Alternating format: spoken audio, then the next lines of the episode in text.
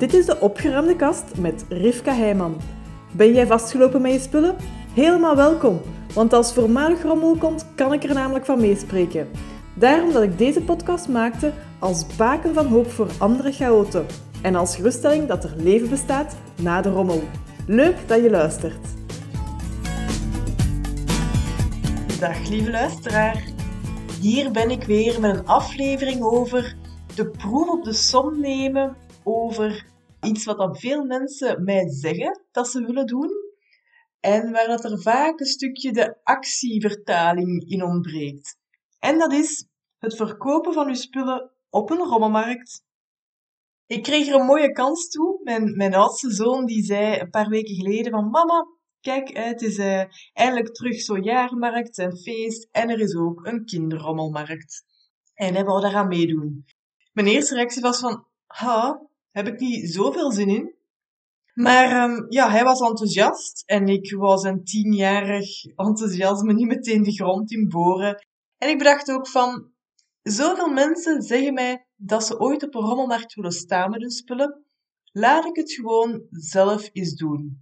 Ik weet dat ik het ooit als kind eens heb gedaan. Heel concrete herinneringen heb ik daar niet aan.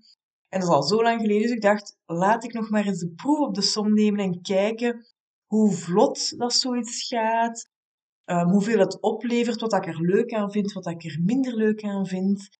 En dus voilà, we zijn ervoor gegaan, we hebben ons ingeschreven en het was afgelopen weekend, was het dan zover.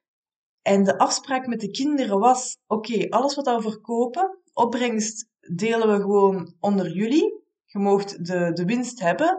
En alles wat dan niet verkocht is, dat gaat richting kringwinkel. Dus dat was een duidelijke afspraak op voorhand. En we zijn eraan begonnen. Mijn kinderen vlogen er meteen in, een bak gegeven waarin dat ze hun spullen konden steken die ze wilden weggeven. Een beetje moeten gidsen wel rond. Ja, dit is eigenlijk wel niet meer oké, niet degelijk genoeg om te kunnen verkopen. Dus dat gaan we niet doen. Maar wel een heleboel dingen die wel degelijk nog goed waren en dus aangeboden konden worden. Ik heb gemerkt, want ja, ik begon ook mee te kijken naar spullen die we konden verkopen. En ik merkte dat er best wel wat spullen, zoals de focus waren dus kinderspullen, dat er heel wat spullen door mijn handen zijn gegaan op dat moment die eigenlijk bevroren waren. En wat bedoel ik daarmee? Bevroren spullen zijn spullen die al zo lang op een bepaalde plek zijn beland, dat er geen beweging meer in zit. Dat ze gewoon bevroren zijn op die plek. En dat kan gaan, ja, zowel dingen die wel degelijk op hun vaste plaats liggen, maar nooit meer gebruikt worden. Of effectief iets wat dat je heel even ergens neerlegt om later wel op te ruimen of af te werken. En dat blijft liggen en blijft liggen. En je zit een paar dagen, een paar weken verder en het ligt er nog altijd. Dat soort spullen, dat zijn bevroren spullen. En dus het is goed als, zeker als ze niet op een vaste plaats liggen, het is goed als je daar terug beweging in krijgt, dat, dat projectjes afgewerkt geraken of dat de spullen die erbij horen terug op hun vaste plaats geraken.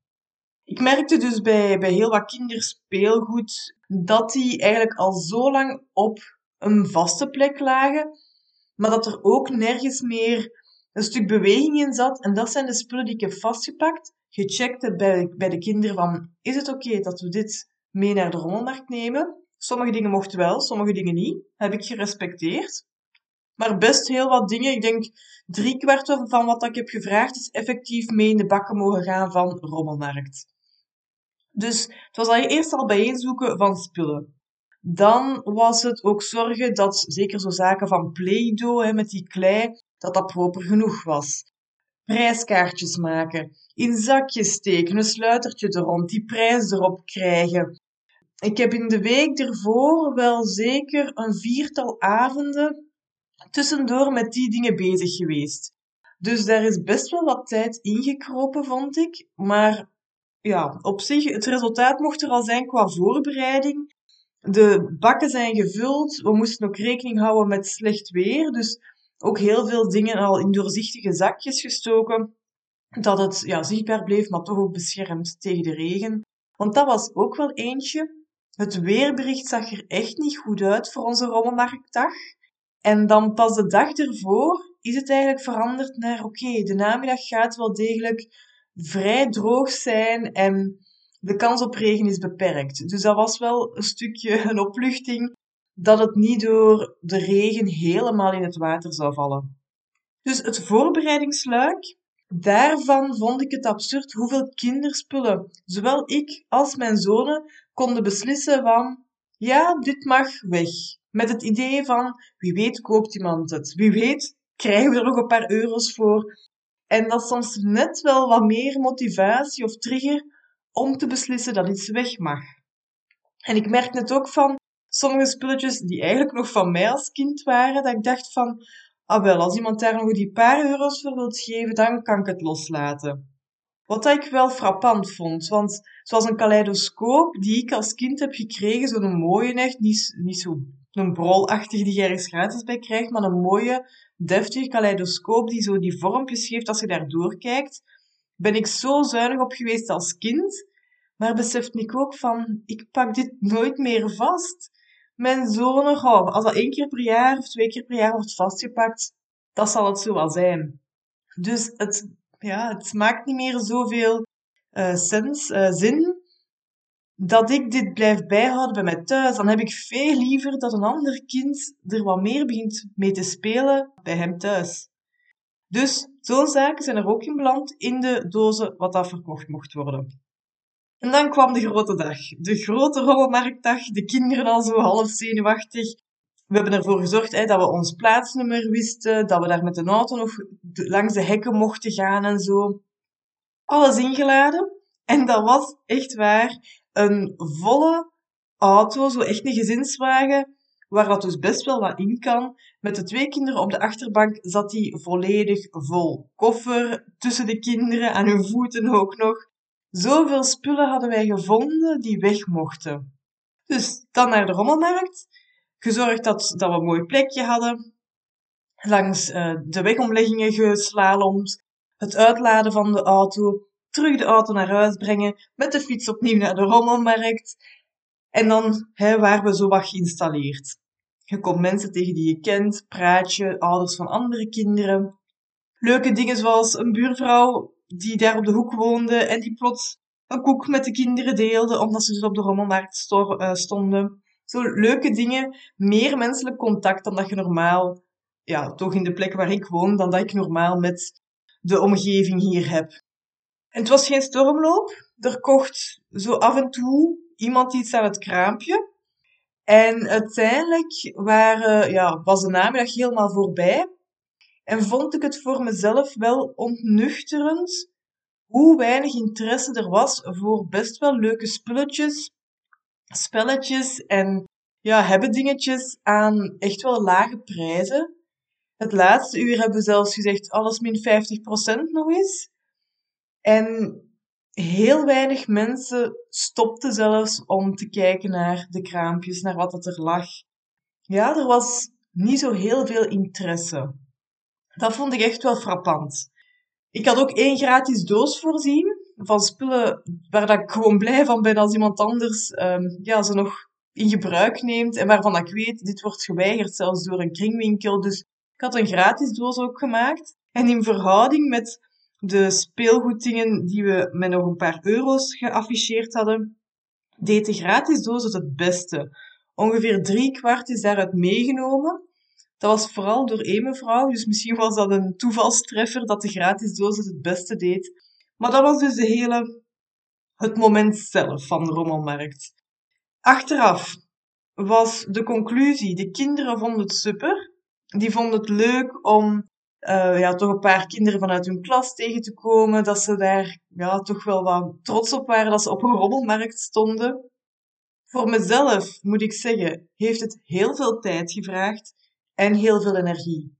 Ik was doodop s'avonds en voor mij stond mijn inzet en het resultaat dat het heeft opgeleverd absoluut niet in verhouding. Ja, voor mij is de conclusie echt wel dat ik niet snel opnieuw een rommelmarkt zal doen. Ik ben ook niet bereid om de dozen met de spullen die niet verkocht zijn, opnieuw een heel jaar of maanden te stockeren voor een volgende kans. Dat zie ik niet zitten. Om opnieuw hè, die hoop te hebben van wie weet, ja, was dit nu een tegenvaller qua rommelmarkt? Wie weet moet ik op een andere plek gaan staan, een hele dag in plaats van een halve dag. Maar daarvan weet ik van nee, ik ga niet nu, wat is het, vier, vijftal dozen vol met spullen een plek blijven geven bij mij thuis. Spullen waarover dat we nu hebben beslist, die mogen weg. Dus ik ga er echt wel voor zorgen dat die spullen deze week naar een tweedehandswinkel geraken, zodat ze weg zijn. Dat ik er geen verdere tijd en energie aan moet besteden. Um, dat gewoon ja, een plek waar dat mensen weten van ja, ik zoek iets aan een kleine prijs, daar kan ik naartoe. Dat mijn spullen daar terechtkomen en op die manier een volgend leven kunnen leven. En dat zonder dat ik er nog euro's voor krijg. Dat, dat weet ik. Maar ik weet ook dat het blijven bijhouden van al die spullen, met zo de hoop dat ik het ergens anders op een ander moment wel verkocht ga krijgen, dat is het mij volledig niet waard. Ik ben de ruimte, het kunnen makkelijk bewegen, doorstappen in mijn garage. Die ruimte ben ik zo gaan appreciëren. Doordat ik juist al zoveel spullen heb losgelaten, dat ik weet, ik wil nu niet nog eens een toren van dozen daar in een hoekje neerzetten en opnieuw die ruimte, die bewegingsplaats verliezen. En dus, voor mij komt het nu neer op, oké, spullen opnieuw logischer hersteken en een ritje langs de kringwinkel nog plannen deze week. En daar stopt het dan bij. Ik ga niet meer snel op een rommelmarkt staan. En ik weet ook, ik heb ook al klanten gehad die zeggen van wauw, ik, ik krijg energie van op een rommelmarkt staan. Ik doe dat samen met een vriendin hè, of, of met een, iemand van mijn familie. En dat is echt een, een ja, daguitstap, een leuk uitje om een dag op een rommelmarkt te staan. En dat is helemaal prima. Hè? Dus als jij je daar meer in herkent, geniet er ook gewoon van. En je mag dat gerust ook blijven doen. Dus ik oordeel niet dat je op een rommelmarkt staat of dat je spullen bijhoudt voor een rommelmarkt. De enige vraag die ik wil meegeven is de plaats die alle spullen innemen, die je nu bijhoudt om te verkopen op een rommelmarkt, heb je die plaats? Hebt jij die plaats om aan al die spullen te geven, zodat je ondertussen op een heel fijne en comfortabele manier kunt leven? Dat de spullen die je nodig hebt, dat je die weet te vinden binnen de vijf minuten. Dat je plaats hebt om je fiets te zetten, om je auto te zetten, om je voorraad eten te zetten. Hè? Afhankelijk van waar je die spullen ook zet, maar dat je kunt leven. En dat het niet is van, ik heb hier nog allemaal stapels dozen staan, of misschien een hele kamer vol met spullen die verkocht mogen worden. Maar ja, wanneer ga ik het ook echt doen? Gaan we goed weer hebben? Gaat het meevallen? Allemaal onzekere factoren. En ondertussen heb jij die plaats niet om te leven. Ondertussen zijn al die dozen die dat je bijhoudt, telkens als je daar langs loopt, of zelfs als je ze kunt ergens wegzetten zonder dat je ze ziet elke dag, dan nog blijven ze in je hoofd zitten, omdat jij weet, die dozen staan daar, die spullen liggen daar te wachten op mij, tot als ik het helemaal plan en regel dat ik op een rommelmarkt raak. En dus als je merkt dat eigenlijk die spullen, de hoop op dat je er nog geld voor krijgt, dat dat vooral een last is, dan is mijn advies wel Zorg dat die spullen zo snel mogelijk uit je huis geraken. Of maak een goede deal met iemand. Zorg ervoor van iemand die bijvoorbeeld wel de plaats heeft of die energie ervan van krijgt om op een rommelmarkt te staan. Spreek iets af. Als jij de spullen aanlevert, dat uh, die persoon 50% van de winst mag hebben en jij ook 50%. Maar zorg, ah, er zijn zoveel manieren, maar zorg gewoon dat het fijn leven is bij je thuis. Dus die rommelmarkt, het is een heel leuk concept. Ik doe super graag op rommelmarkten om er langs te lopen, dus niet per se om er zelf te staan. Ik, doe, ik, ik vind dat heel fijn om op rommelmarkten te lopen. Maar de andere kant van er te staan en al het geregel en ja, de voorbereiding en dan achteraf ook terug alles een beetje netjes krijgen bij u thuis, dat staat niet in verhouding voor mij persoonlijk. Dus ik ben heel blij dat er andere mensen dat wel in verhouding vinden en dus de moeite doen om wel degelijk zelf ook op een rommelmarkt te gaan staan. Daar ben ik heel blij om, want anders heb ik dat genot ook niet meer. Maar ik weet dat het tegelijkertijd ook een grote valkuil kan zijn. Dus als jij u hierin herkent en spullen bijhoudt, opzij zet, bijeenspaart, want ik heb ook al mensen gehad die mij zeiden, ik krijg spullen van andere mensen om te mogen verkopen op een rommelmarkt. Maar als je allemaal zo'n spullen hebt, stel jezelf wel echt de vraag, kan ik ondertussen nog fijn leven? En is dat het geval? Super. Dan kun je gerust wat stockeren, zorgen dat je je inschrijft voor rommelmarkten, dat je daar naartoe raakt, dat je daar een dag staat en een aantal dingen verkoopt. Maar als je merkt dat, u, dat het u eerder naar beneden trekt, dan wil ik u echt aanraden van stel het eens in vraag wat het u kost ook. Niet in de euro's, maar wat het u kost aan emotionele ballast, aan onrust in uw hoofd, om al die spullen bij te houden. Om het te regelen dat je ermee de baan op gaat maak eens die, die optelsom, ook gevoelsmatig van ja, hoe dat jij het ervaart om een heleboel spullen bij te houden om ooit mogelijk verkocht te krijgen voor een paar euro. En wat levert het u op als je die spullen op de meest makkelijke en snelle manier in de komende week, twee weken, uit uw huis zou kunnen laten vertrekken? op een manier dat je er geen euro's voor krijgt, maar wel plaats en gemoedsrust.